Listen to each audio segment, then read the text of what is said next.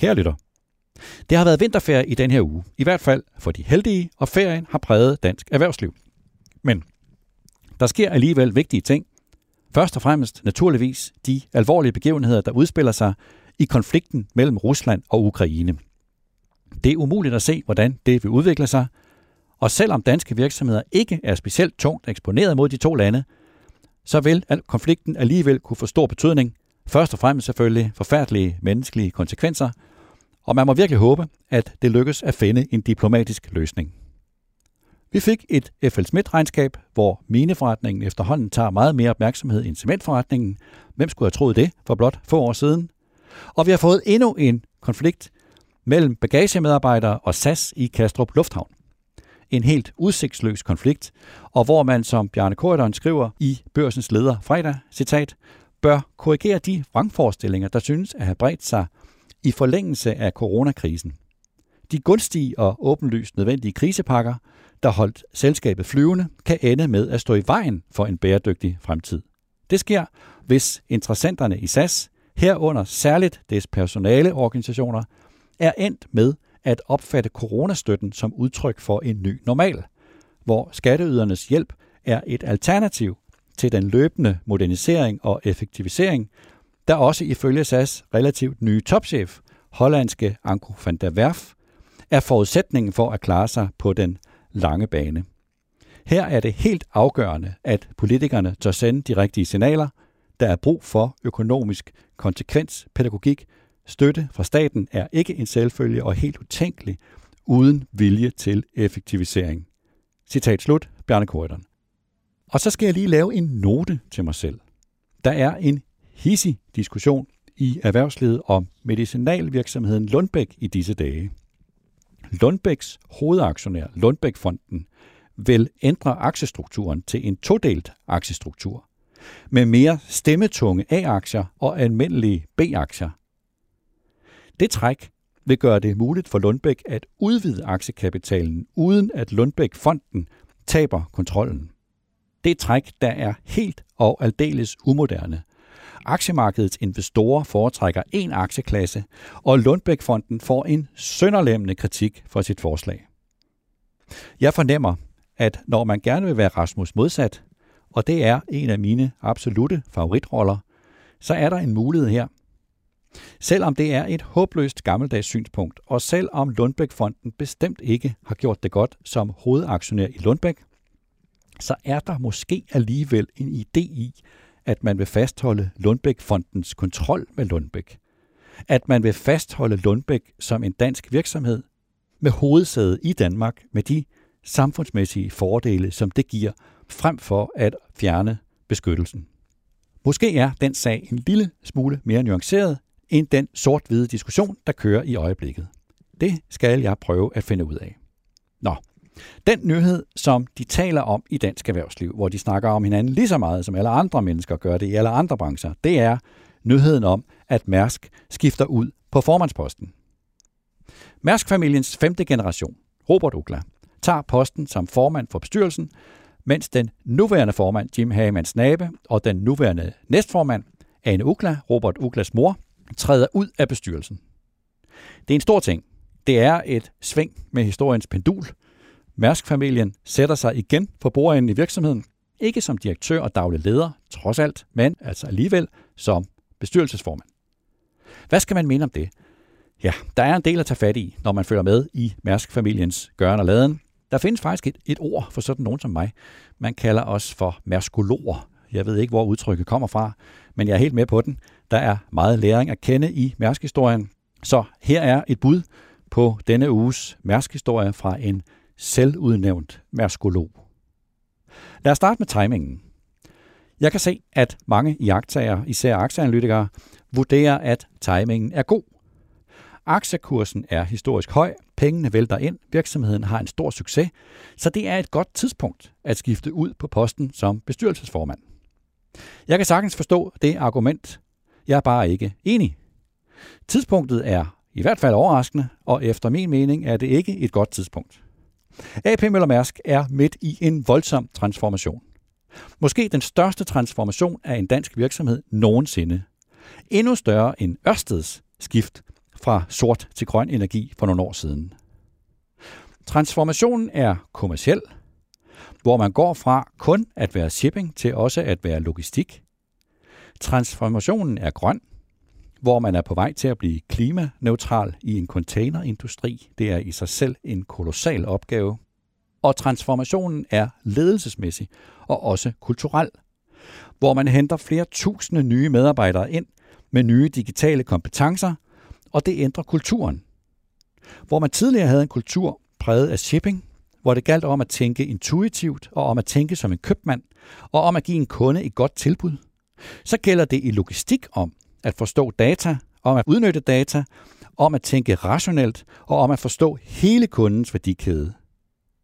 Det er et grundlæggende anderledes AP Møller Mærsk, der bliver bygget i disse år. Og coronakrisen, den betyder, at pengene vælter ind. Men det skyldes presset på forsyningskæderne rundt om i verden, der hæver fragtraterne, og det er en midlertidig gevinst, som ikke fortæller noget om, hvorvidt den nye strategi virker eller ikke virker. Så det er et tidspunkt, der er præget af usikkerhed og uforudsigelighed, at AP Møller Mærsk skifter bestyrelsesformand. Blot fem år nåede Jim Hagemanns nabe at få på posten, så opgaven er uafsluttet efter min vurdering. Og nu, nu træder Mærsk-familiens femte generation, Robert Ukla, ind på scenen for alvor og rykker op fra sin post som menigt medlem til posten som bestyrelsesformand. Det gør han, når han bliver valgt, og han bliver valgt på generalforsamlingen tirsdag 15. marts. Hvad bliver Robert Uklas største udfordringer? Mit bud er disse tre i prioriteret rækkefølge. Hans største udfordring den bliver at bevise, at han er fagligt og ledelsesmæssigt kvalificeret til posten, simpelthen. Han kender virksomheden rigtig godt, selvfølgelig. Han er vokset op i den. Han har siddet i bestyrelsen i en længere årrække og har især været med siden strategiskiftet tilbage i 2016, hvor man besluttede at fokusere den virksomhed, som vi kender som AP Møller Mærsk, og at sige farvel til for eksempel olieforretningen. Han har også arbejdet i virksomheden i mange år og haft operativ chefjob i først tankskibsrederiet Brostrøm under Mærsk Tankers og derefter i slæbebådsvirksomheden Svitzer. Det har givet ham viden om shipping, mens han ikke har nogen stærk operativ erfaring med logistik eller med digital transformation. I sin nuværende rolle sidder Robert Ukla som administrerende direktør i det, der hedder AP Møller Holding. Det er det selskab, der udøver et såkaldt aktivt ejerskab på vegne af Mærsk-familien. Hvis du, kære lytter, kommer på Esplanaden i København indimellem, så holder AP Møller Holding til i den gamle bygning lige over for Mærsk hovedkvarteret, klods op af restaurant Lumskebugten. Det er i høj grad de ledelsesmæssige kvalifikationer, som han har tilegnet sig her, som Robert Ukla får brug for som bestyrelsesformand i AP Møller Mærsk. Hans mest synlige præstation udadtil, når det gælder aktivt ejerskab, er i midlertid forløbet i Danske Bank, hvor han pegede på Carsten Dybvad som bestyrelsesformand. Det forløb var ikke tilfredsstillende, og Danske Banks alvorlige situation er en stor og uløst opgave. Ikke mindst efter at de to andre store aktionærer, ATP og PFA, er i et ledelsesmæssigt vakuum med topcheferne Bo Fode og Allan Polak på vej ud. Et pudsigt tidsmæssigt sammentræf i øvrigt, at de to store aktionærer i Danske Bank, ATP og PFA, skifter topchefen ud lige efter, at de har sagt farvel til formanden Carsten Dybvad i Danske Bank efter et utilfredsstillende forløb der. Men jeg må indrømme, selv med min skumle hjerne, kan jeg ikke finde en meningsfuld sammenhæng mellem de to begivenheder, men tidsmæssigt pudsigt er det. I AP Møller Holding er Robert Ukla vant til at arbejde for en bestyrelse med fredelige mennesker. Blandt andre sin mor, Anne Ukla, og familiens mangeårige stabsmedarbejder, Lars Erik Brænø. Hverdagen over i holdingselskabet er næppe et hårdt liv, selvom han har hentet stærke kræfter, som Henrik Poulsen, tidligere Ørsted, og Jan T. Nielsen, tidligere Blackstone, ind som henholdsvis rådgiver og investeringsdirektør. I Mærsk-bestyrelsen er vilkårene anderledes end i holding. Det er en stor, børsnoteret virksomhed i hård global konkurrence, som er igennem en digital og grøn og kulturel transformation. Et udtryk for, hvor fundamental den transformation er, fik vi at se omkring nytår, da Thomas Lindegård Madsen, kaptajn på et af Mærsk-skibene og medlem af bestyrelsen, på LinkedIn gik i rette med den officielle selvopfattelse i virksomheden og bestyrelsen, at man er blevet en teknologivirksomhed. Nej, skrev Thomas Lindegård Madsen, det er vi ikke. Og det var en diskussion højst usædvanlig i offentligheden, endda af et medlem af bestyrelsen, og derfor udtryk for, at man internt ikke engang i bestyrelsen endnu er helt afklaret med, hvilken virksomhed er fremtidens AP Møller Mærsk egentlig. Det er en stor ledelsesudfordring at gå fra at være menigt medlem af bestyrelsen og til at være formand. Han skal som formand kunne rekruttere mennesker med tung faglighed og personlig integritet, som ikke kun kan udfordre direktionen, men som også vil forvente en høj ledelsesmæssig kvalitet fra deres bestyrelsesformand, og som siger ham imod. Jeg føler mig ikke specielt overbevist om, at Robert Ukla er vant til at blive sagt imod. Det er et vilkår, jeg har set hos andre magtfulde ejerfamilier, der varetager et aktivt ejerskab. At de folk, som de har omkring sig, de har en tendens til at sige det, som ejeren gerne vil høre, frem for at risikere at gøre ejeren i dårligt humør. Det er menneskeligt nemt at forstå, men hen over tid, i nogle tilfælde i mange år, er det en risiko for, at man får en større personlig og faglig selvtillid end godt er. Den afgående formand, Jim Hagemann Snabe, fyldte meget udadtil, ikke mindst i internationale medier. Nu bliver Robert Ukla synlig, både over for aktionærerne og over for offentligheden, og han skal kunne tåle kritik. Børsens journalist Leonora Bæk spurgte Robert Ukla om det med at være en offentlig person i tirsdags, og han svarede, citat, Hvis jeg skal være helt ærlig, så er jeg lidt ambivalent med det. Han sagde også, Robert Ukla, citat, Den offentlige rolle har jeg altid været meget ambivalent omkring. Jeg er en privat person. Jeg har stillet op til et dansk interview på fem år. Det er downsiden ved jobbet, men jeg har forståelse for, at det også er en del af opgaven. Citat slut.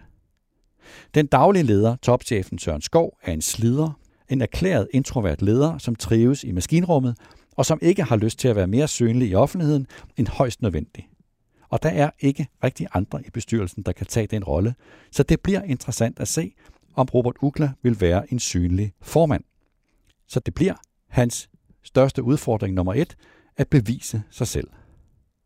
Den anden udfordring for Robert Ukla bliver, at han får et såkaldt dobbeltmandat. Robert Ukla fortsætter i jobbet som daglig leder af AP Møller Holding. Og det risikerer at give ham en principiel udfordring, når han skal være formand og ikke bare menigt medlem af Mærsk-bestyrelsen.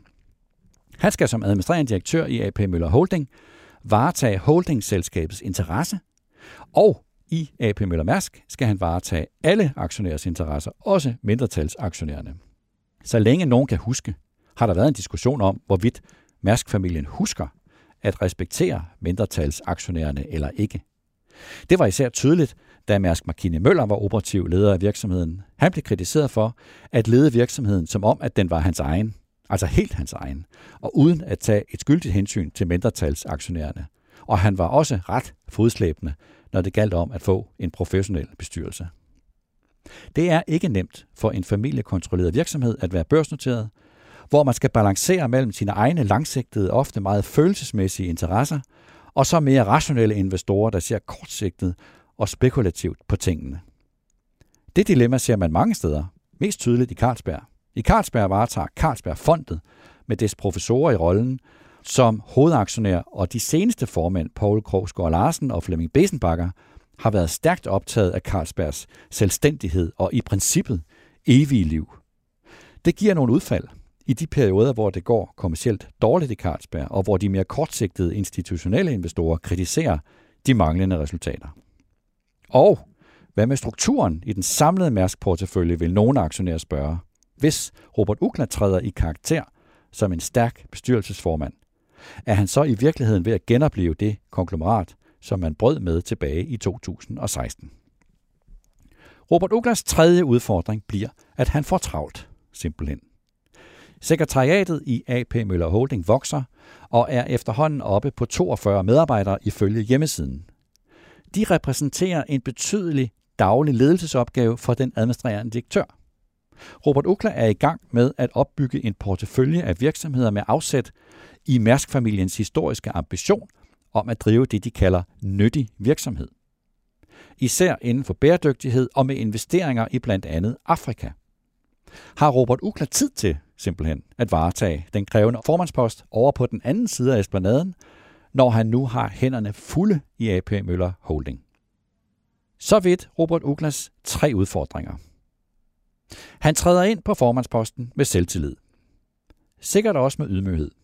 Og også med den motivation, der kommer af at stå med ansvaret for en virksomhed, der har haft afgørende betydning for Danmark, og som har et 100-årigt perspektiv. Da Ane Ukla var med til at igangsætte det arbejde, der førte til den nye strategi, tilbage i 2016, sagde hun til ledelsen og medarbejderne, at de skulle se virksomheden i et 100-årigt perspektiv. Det var, sagde flere af dem til mig dengang, en usædvanlig opgave i et erhvervsliv, hvor man er vant til at tænke i kortere forløb. Men først og fremmest kommer Robert Ukla med selvtillid. Det føles simpelthen naturligt for Mærsk-familien at have ansvaret for virksomheden. Selvom virksomheden er blevet kæmpestor, selvom virksomheden deler ejerskabet med mindretalsaktionærerne, og selvom der findes mange kvalificerede ledere både i Danmark og i resten af verden med bestyrelseserfaring, så er det mere eller mindre indlysende for Mærsk-familien, og især for Ane Ugla og Robert Ugla, at familien hører hjemme for bordenden i virksomheden. Det var Mærsk Markine Møller, der i et berømt citat udtalte, citat, Det ligger mig naturligvis på sinde, at familien til stadighed er knyttet til AP Møller Mærsk og gerne ved, at efterfølgere efter mig deltager i selskabets ledelse, når de er egnet dertil. Citat slut. Virksomheden er familiens identitet, familiens ansvar, familiens pligt, og jeg tror ikke, at Robert Ukler har været ret meget i tvivl om, at han skulle gå efter formandsposten. Men det er et sats. Det er et stort job, og selvom man kan komme langt med pligtfølelse og med hårdt arbejde, så er formandsposten for en stor virksomhed, der er på vej igennem en stor transformation, både meget krævende og meget synlig. Virksomheden tjener som nævnt styrtende med penge i denne tid, takket være presset på de globale forsyningskæder. Det seneste regnskab var det bedste nogensinde, men det vil være forkert at tage det som bevis for, at den nye strategi og dens transformation er lykkedes. Der kommer en hverdag igen. Der kommer en hverdag, hvor raterne falder, hvor udisciplinerede konkurrenter bygger nye skibe og øger kapaciteten, og hvor omkostningerne skal skæres ned, og det bliver den dag, at organisationen i AP Møller Mærsk skal vise, at den nye strategi er den rigtige. At man kan drive en lønsom forretning på hårde vilkår og som en såkaldt integrator af container og logistik. Det er den hverdag, som virksomheden skal rustes til, og nu ligger ikke blot magten, men også ansvaret hos Robert Ukla. Lige en kort bonusinfo til lytterens kalender. AP Møller Mærsk holder deres kapitalmarkedsdag om bæredygtighed torsdag 10. marts. Det er, så vidt jeg ved, første gang, at en dansk virksomhed holder en særlig kapitalmarkedsdag udelukkende om bæredygtighed. Og så generalforsamlingen, hvor Robert Ukler bliver valgt, den holder de tirsdag den 15. marts. Det var, kære lytter, topchefernes strategi i en let stille uge præget af vinterferie. Tak til Mihe Christensen, der redigerede optagelsen, og tak til dig, der lyttede med.